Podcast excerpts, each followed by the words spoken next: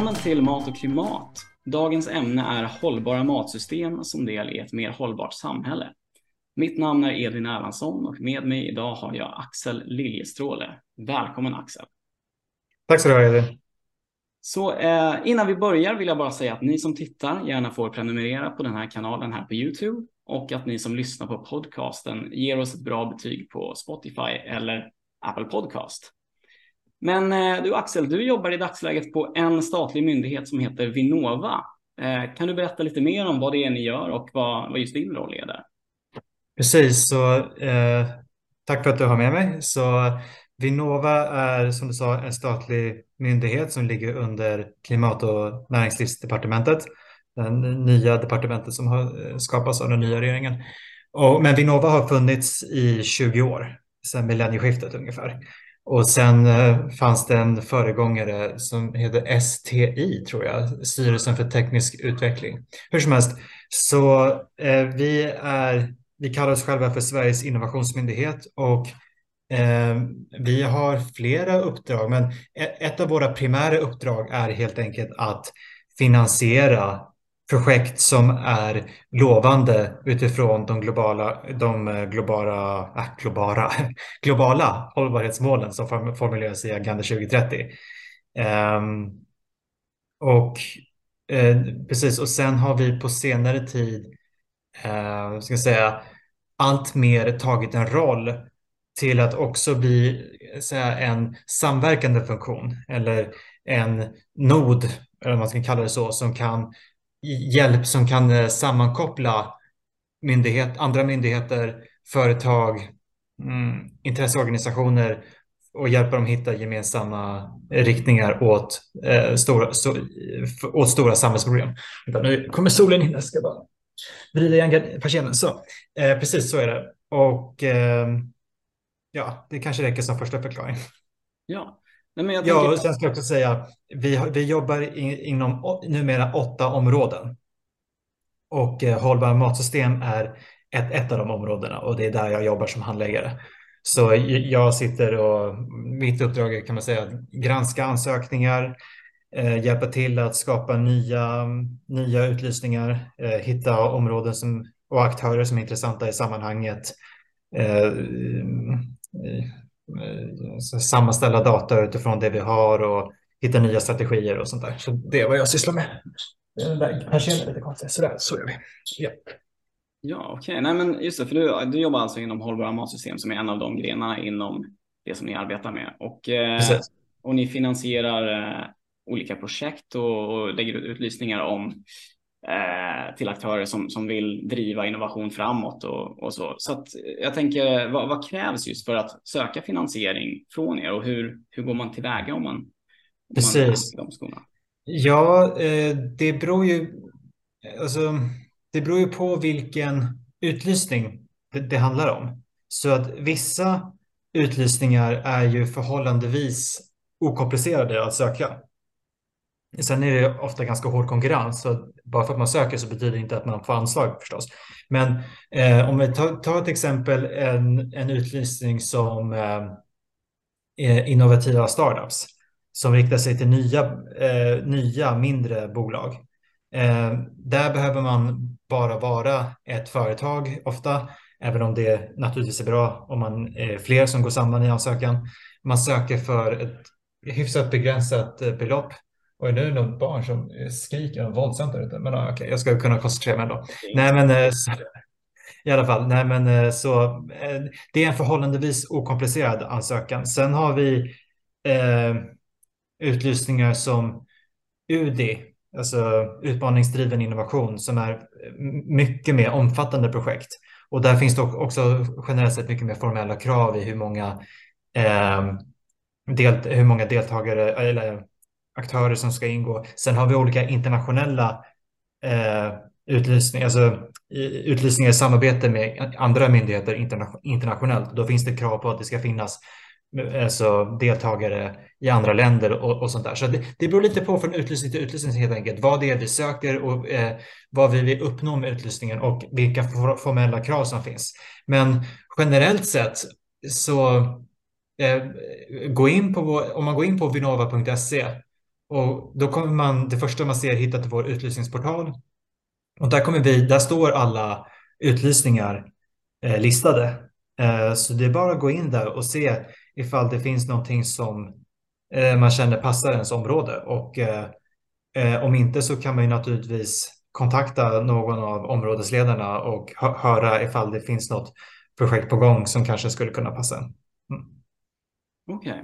och jag tänker i och med att uh, jag, jag här representerar mat och klimat och, och vi, vi är lite särskilt intresserade av just uh, mat och klimatfrågor uppenbarligen så har du något, har du något så exempel på något projekt med växtbaserat fokus som ni har finansierat eller, eller som ni finansierar nu eller? Mm. Yes. Så det här är ganska spännande så att um, om man tar till exempel, jag sa att Vinnova funnits i drygt 20 år. Men det är inte så länge som Vinnova har jobbat med matsystem just.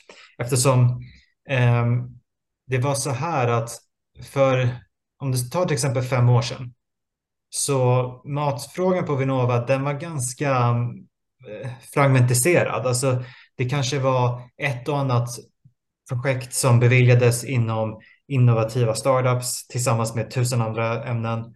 Eller så var det något projekt, något UD-projekt här och där. Alltså det var inte, det fanns liksom ingen, eh, ingen tydlig strategi eller intention från Vinnova hur man skulle jobba med matfrågorna, utan det var ju fullt fokus på andra områden som mobilitet och sådär. Men sen för två år sedan, lite drygt, nej men det är nog ganska precis två år sedan, så eh, startade man eh, området hållbara matsystem som en, lite som en pilot på Vinnova. Och eh, det först, den första större utlysning eh, som Vinnova genomförde inom matområdet var just eh, ett som kallas för framtidens eh, växtbaserade vardagsmat. Och eh, för att göra en lång historia kort, så den utgick ifrån en rapport som, eh, eh, eh som skapades av Sweden Food Arena. Och hur ska man beskriva dem? Det är en organisation som vill öka Ehm, öka vinstmarginalerna, öka mervärdet för svensk livsmedelsproduktion. Väldigt sammanfattat. Hur som helst, så Sweden Food Arena hade skapat en rapport där man hade eh, kartlagt just ehm, vad ska jag säga, värdekedjan för svensk växtbaserad livsmedelsproduktion. Och någonting som de upptäckte var att det här eh, mellanledet, från du har liksom, du har eh, primärproduktionen, odling, ett håll. Eh, och sen har du konsumenten i ett annat håll.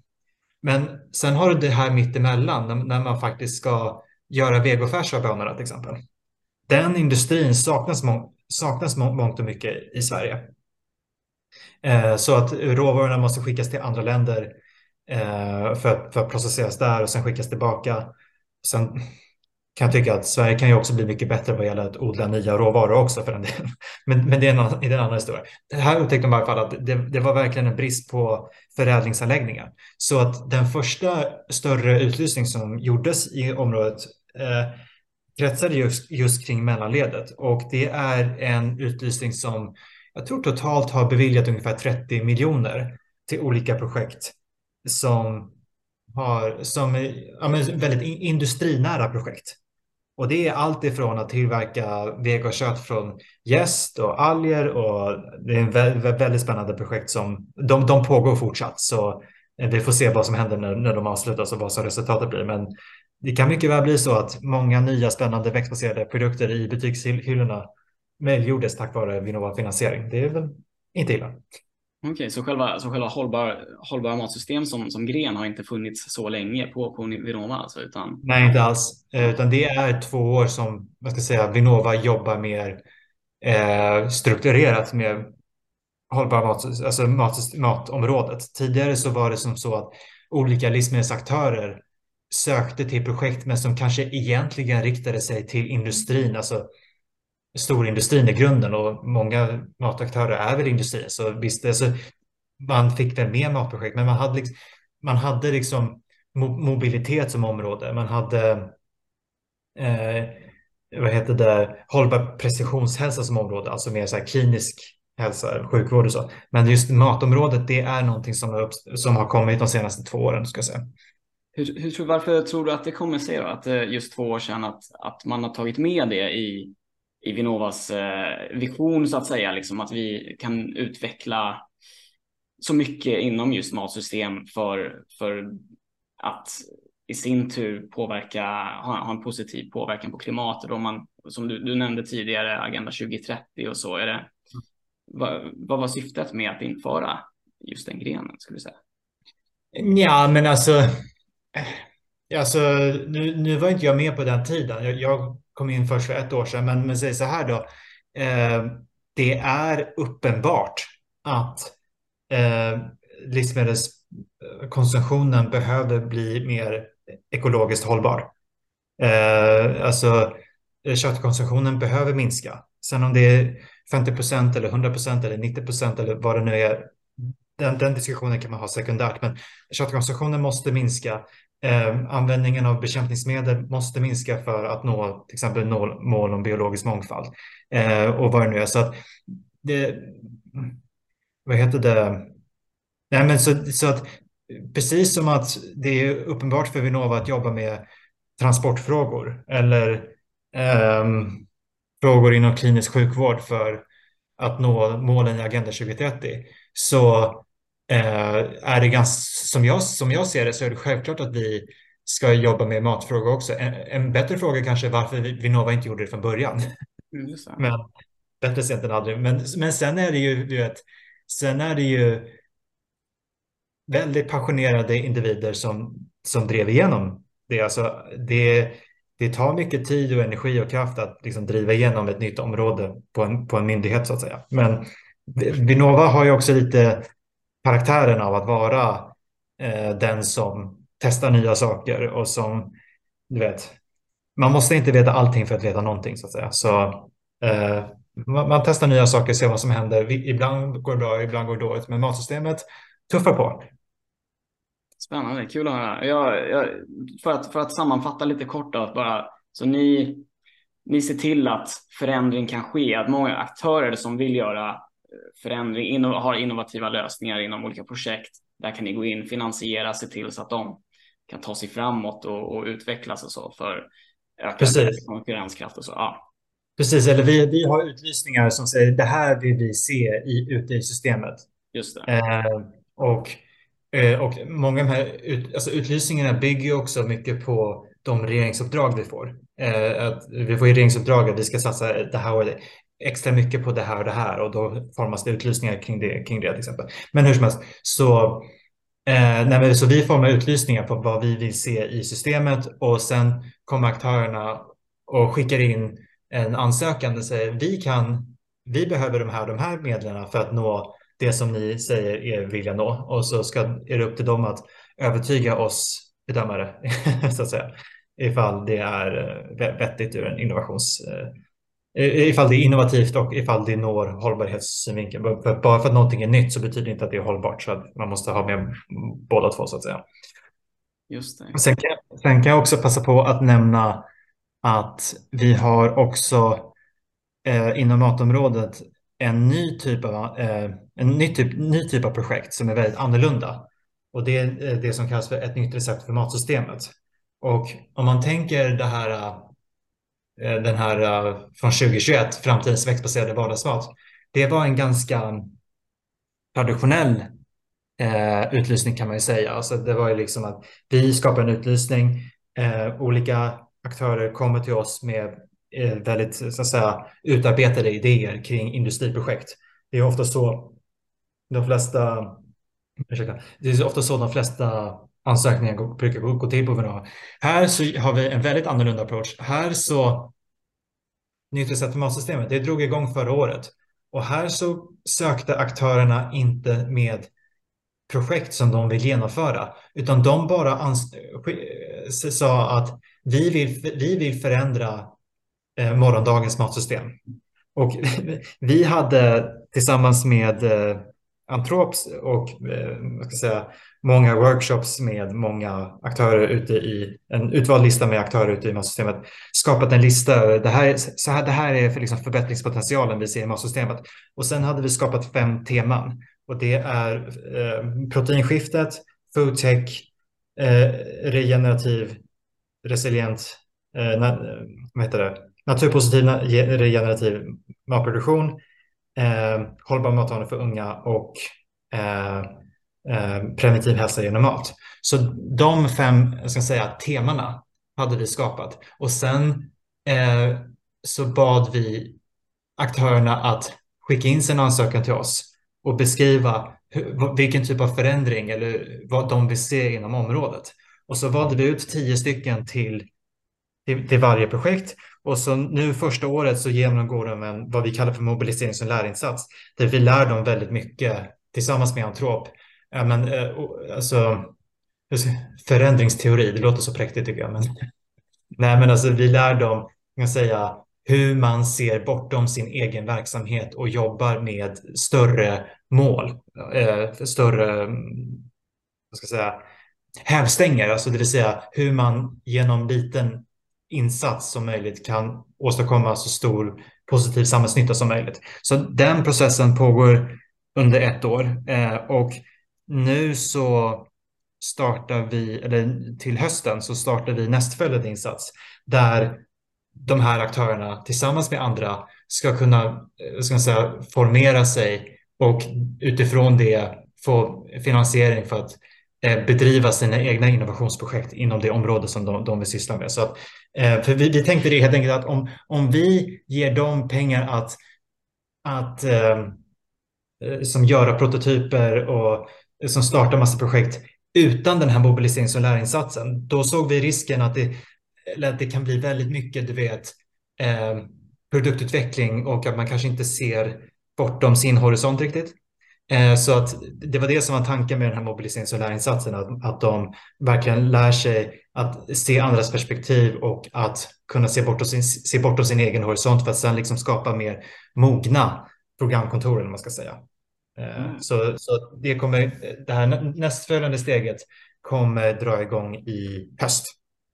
Just det. Bland de här, spontan tanke bara, bland de här fem temana som du nämnde så mm. nämnde du ett eh, hållbara eh, matvanor för, för unga. Jag bara kom att tänka på, ja. jag kan tänka mig verkligen att eh, eh, skolmaten, den formar våra livsmedelsvanor något oerhört och det, det innebär ju mm. också att det måste finnas en enorm möjlighet eller potential att transformera matsystemet genom att rikta sig in på, på just skolmaten. Så Vet, om, har ni, vet ni om ni har några speciella projekt just nu eller utlysningar till aktörer inom just att transformera till exempel skolmat? Precis. Eh, alltså, om jag säger inom det här nytt recept för matsystemet.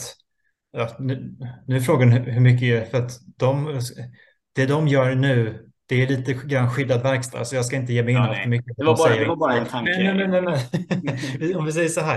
Eh, vi har ett separat projekt som heter eh, ett, ett nytt recept för skolmåltider. Eh, och det är ett som pågår och där är också eh, Livsmedelsverket involverade. Nej, men eh, där har man ju Alltså, vi på Vinnova, vi, vi älskar eh, ordet, ordet prototyper och vad det innebär liksom att man tar några testcase eh, och testar någonting som kanske är ganska rejält annorlunda från de andra och ser om det funkar eller inte funkar. Så där Eh, i, nytt, i Nytt för skolmåltider, där tog man eh, fem stycken kommuner Eh, nu minns jag inte vilka de fem var, Vallentuna var en av dem tror jag.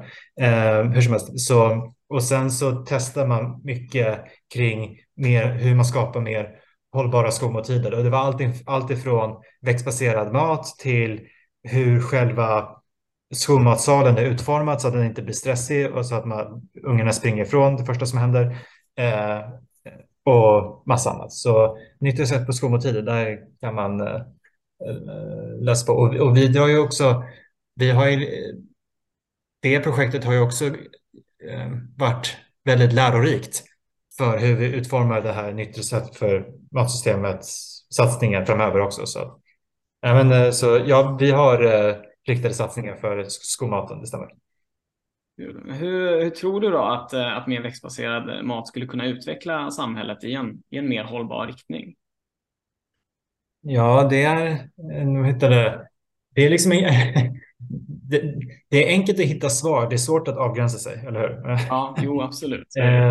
Så är det. Men alltså, ehm, det var intressant för att Boston Consulting Group eh, utarbetade en rapport där de tittade just på hur, alltså, alltså de tittade på för varje investerad krona, hur mycket eh, klimatnytta gör det om du investerar i olika sektorer. Eh, och de, och om, man, om man verkligen brinner för det här med växtbaserat protein och sånt där, då är, det, då är den där rapporten en guld, guldgruva. Jag minns inte vad, vad den heter, men den släpptes i slutet av förra året. Eh, bara googla på Boston Consulting Group, Eh, green Proteins Investment, så kommer ni garanterat hitta den. Hur som helst, så att eh, där kom de fram till att ja, men, investering i växtbaserat protein var faktiskt den överlägset bästa eh, klimatinvesteringen eh, jämfört med eh, grön stål och sånt där. Eh, nog för att man ska investera i det och också tycker jag. Och sen har du ju alla de här fördelarna med biologisk mångfald och eh, rent vatten och eh, folkhälsa och, och allt det där. Så att eh, precis, varför har vi varför har vi Mastersystem bara funnits i två år? Förklara, förklara mig. Ja, nej, ja, men, det är klart, det nej, men, men sen med det sagt, vi, vi, vi investerar ju inte enbart i, i växtbaserat heller inom, inom Mastersystem heller. Det, eh, så är det. Eh, men det är utan tvekan eh, ett av våra eh, främsta fokusområden. Det kan jag väl ändå säga. Som, för det är, det är så uppenbart att det är en väldigt väsentlig del för att skapa ett mer, mer hållbart samhälle för allt och alla. Ja. Jag tänker man, om, man, om man främjar förutsättningarna för såväl produktion som, som konsumtion, som du nämnde tidigare där för till exempel växtbaserade livsmedel så är man nog en god bit på vägen i en hållbar riktning skulle man kunna säga. Mm -hmm. Mm -hmm. Men precis. Och där, kanske, och det, förlåt, där kanske Vinnova kan vara en slagkraft då, som ser till att den innovationen som, som krävs blir, blir verklighet. Ja, och det är vi ju redan. Alltså, ja. Vi investerar i väldigt många eh, liksom anläggningar som vill utveckla nästa generations växtbaserat protein och vi, alltså menar en av de innovationsmiljöer som eh, i, alltså proteinskiftet som i nitrosaturationsystemet, det är ju det är proteinskiftet. Det är ju liksom övergången från animaliskt växtbaserat. Eh, så Eh, så Vinnova är väldigt mycket ute i det. Sen kan jag också säga att vi har en eh, en kommande utlysning snart. Eh, den här finns inte ute på utlysningssidan, men jag kan nämna väldigt kort att det kommer komma snart en, en satsning med för Vinnova har ju regeringsuppdrag att samarbeta med Israel och vi har också ett, ett, en filial i Israel. Och vi kommer ha snart en, utlys, en internationell utlysning där man kan söka, eh, jag ska se här bara så att jag får med allting rätt här. Eh, nu ska se, eh, vad heter det? Precis, så det, det, kommer öppna i höst och stänga i vår. Och det är en eh, Eureka-utlysning med Israel och eventuellt andra länder. Och i, om man söker så ska det vara två stycken parter, en svensk och en utländsk helt enkelt. Och man kan söka tre miljoner och projektet pågår i max två år. Men, men återigen, mer information, mer information eh, eh, om det kommer sen. Men det kan vara värt att veta att, och, just den satsningen med ICL handlar just om växtbaserade proteiner. Eller eh, inte växtbaserade utan alternativa proteiner kan man säga. För att korn, fungi, det är ju inte växtbaserat per definition och det är inte labbodlat kött heller. Men så egentligen alla typer av alternativa proteiner som ersätter animaliskt. Så det, det är en satsning som kommer att göra, komma snart. Okej, okay, men gud vad intressant. Men så alltså, jag tänker nu, de som, de som tittar på det här och blir väldigt nyfikna och vill veta mer om de här utlysningarna och vill veta mer om Vinnova, vilka projekt ni stödjer i dagsläget och mm. kanske huruvida en själv kan ansöka om finansiering via er. Hur, hur hittar de er? Ja, det är bara, nej men gå in på vinnova.se bara. Eh, och så kan man bara, eh, nej men så det första, man kommer då komma till eh, utlysningssidan eh, och det är en av de första saker som dyker upp, att så här många projekt har vi öppnat just nu. Och bara kolla där ifall det finns något projekt som känns eh, relevant för en. Och när man läser de här, när man läser de här eh, utlysningarna, liksom var lite kreativ. Alltså, bara för att rubriken inte passar en vid första anblick. Gå in på sidan i alla fall, läs igenom och se om man kan liksom eh, kränga det till sin fördel om man säger så. alltså eh, Alltså man, det är klart att om, om man inte kan uppleva, uppfylla de formella kraven, då är det naturligtvis ingen anledning att man söker. Men, eh, men alltså, precis, så var lite kreativ. Och det finns säkert något projekt som passar en. Eh, till exempel, vi har eh, till exempel, låt säga att man har en industri som, vill, som sysslar med eh, växtbaserad mat till exempel. Man behöver inte nödvändigtvis vänta på en utlysning som just handlar om växtbaserad mat. Till exempel, vi har haft utlysningar som handlar om energieffektivisering av industrin. Eh, och många av de här bolagen som har växtbaserad mat, de har ju fabriker. Och de vill säkert energieffektivisera. Och, och, och om de söker till den, eh, ansöker där och får beviljat, det betyder att de inte behöver stå för hela kostnaden själv för att göra alla de här tunga investeringarna som krävs för att energieffektivisera. Så det, så att man måste inte liksom söka till en, en utlysning med just den intention som ligger en närmast hjärtat. Liksom. Det kan ju handla om energieffektivisering av verksamheten som indirekt gynnar växtbaserat till exempel. Eller det kan vara, vad ska vi säga, eh, vad ska vi hitta på nu, till exempel, eh, men det, det, finns, om man till exempel eh, jobbar med eh, eh, låt säga till exempel att ens, för, ens produkter har många hälsofördelar eh, jämfört med vad den ersätter. Ja, men då kanske det finns någon, någon utlysning inom hälsa där man vill jobba inom sjukvården. Då kanske man kan teama upp med några andra som ska göra, eh, skriva en ansökan där. Vad vet jag? Alltså återigen, man kan vara lite kreativ. Man måste liksom inte söka på en utlysning som är helt klockrent i, med ens med företagets vision också. Men sen kan jag säga så man kan söka till Vinnova. Eller man kan kolla utlysningen och se om det finns pengar, om det finns någon vettig utlysning. Men sen Vinnova är naturligtvis inte den enda. Eh, så dels så har vi myndigheten Formas som man kan söka till. Och Formas, eh, Formas ja, de, eh, de är mer inriktade på forskning. Eh, så att ehm, om Vinnova är ju liksom mer tillämpade innovationsprojekt kan man säga.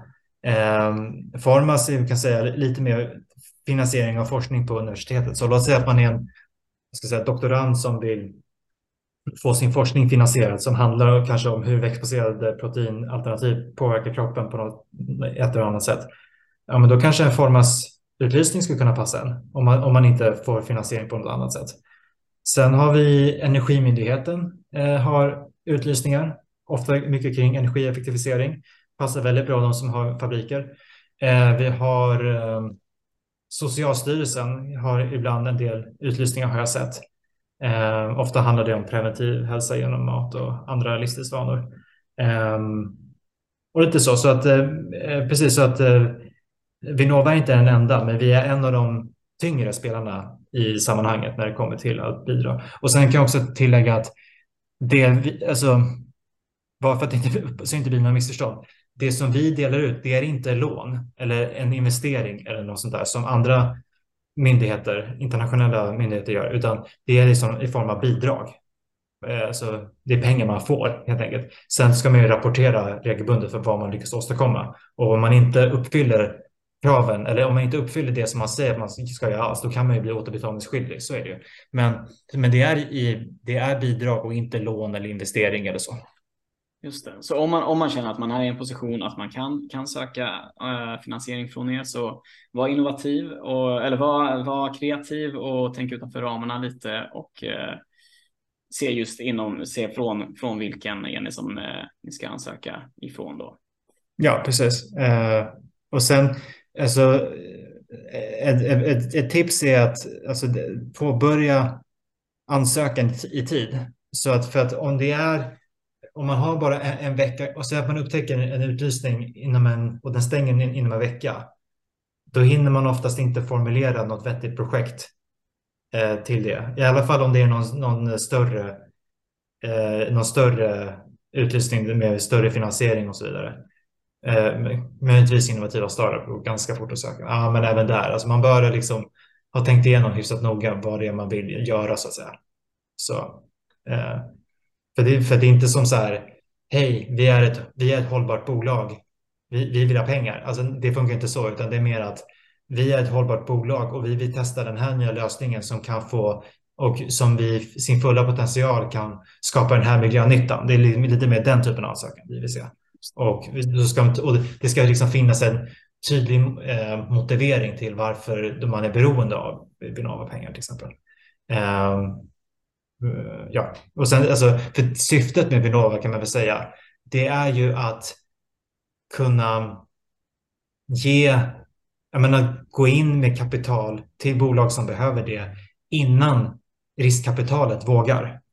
För att för mindre bolag, det är inte så lätt att, att vad säger på svenska, alltså raise capital, alltså att uh, få in massa kapital genom nyemissioner och sånt Det är inte alltid så lätt för många bolag. Då tänk, då, och då, då finns Vinnova där som stöd så att det inte bara är stora bolag som alltid kan samla ihop stora mängder pengar. Liksom.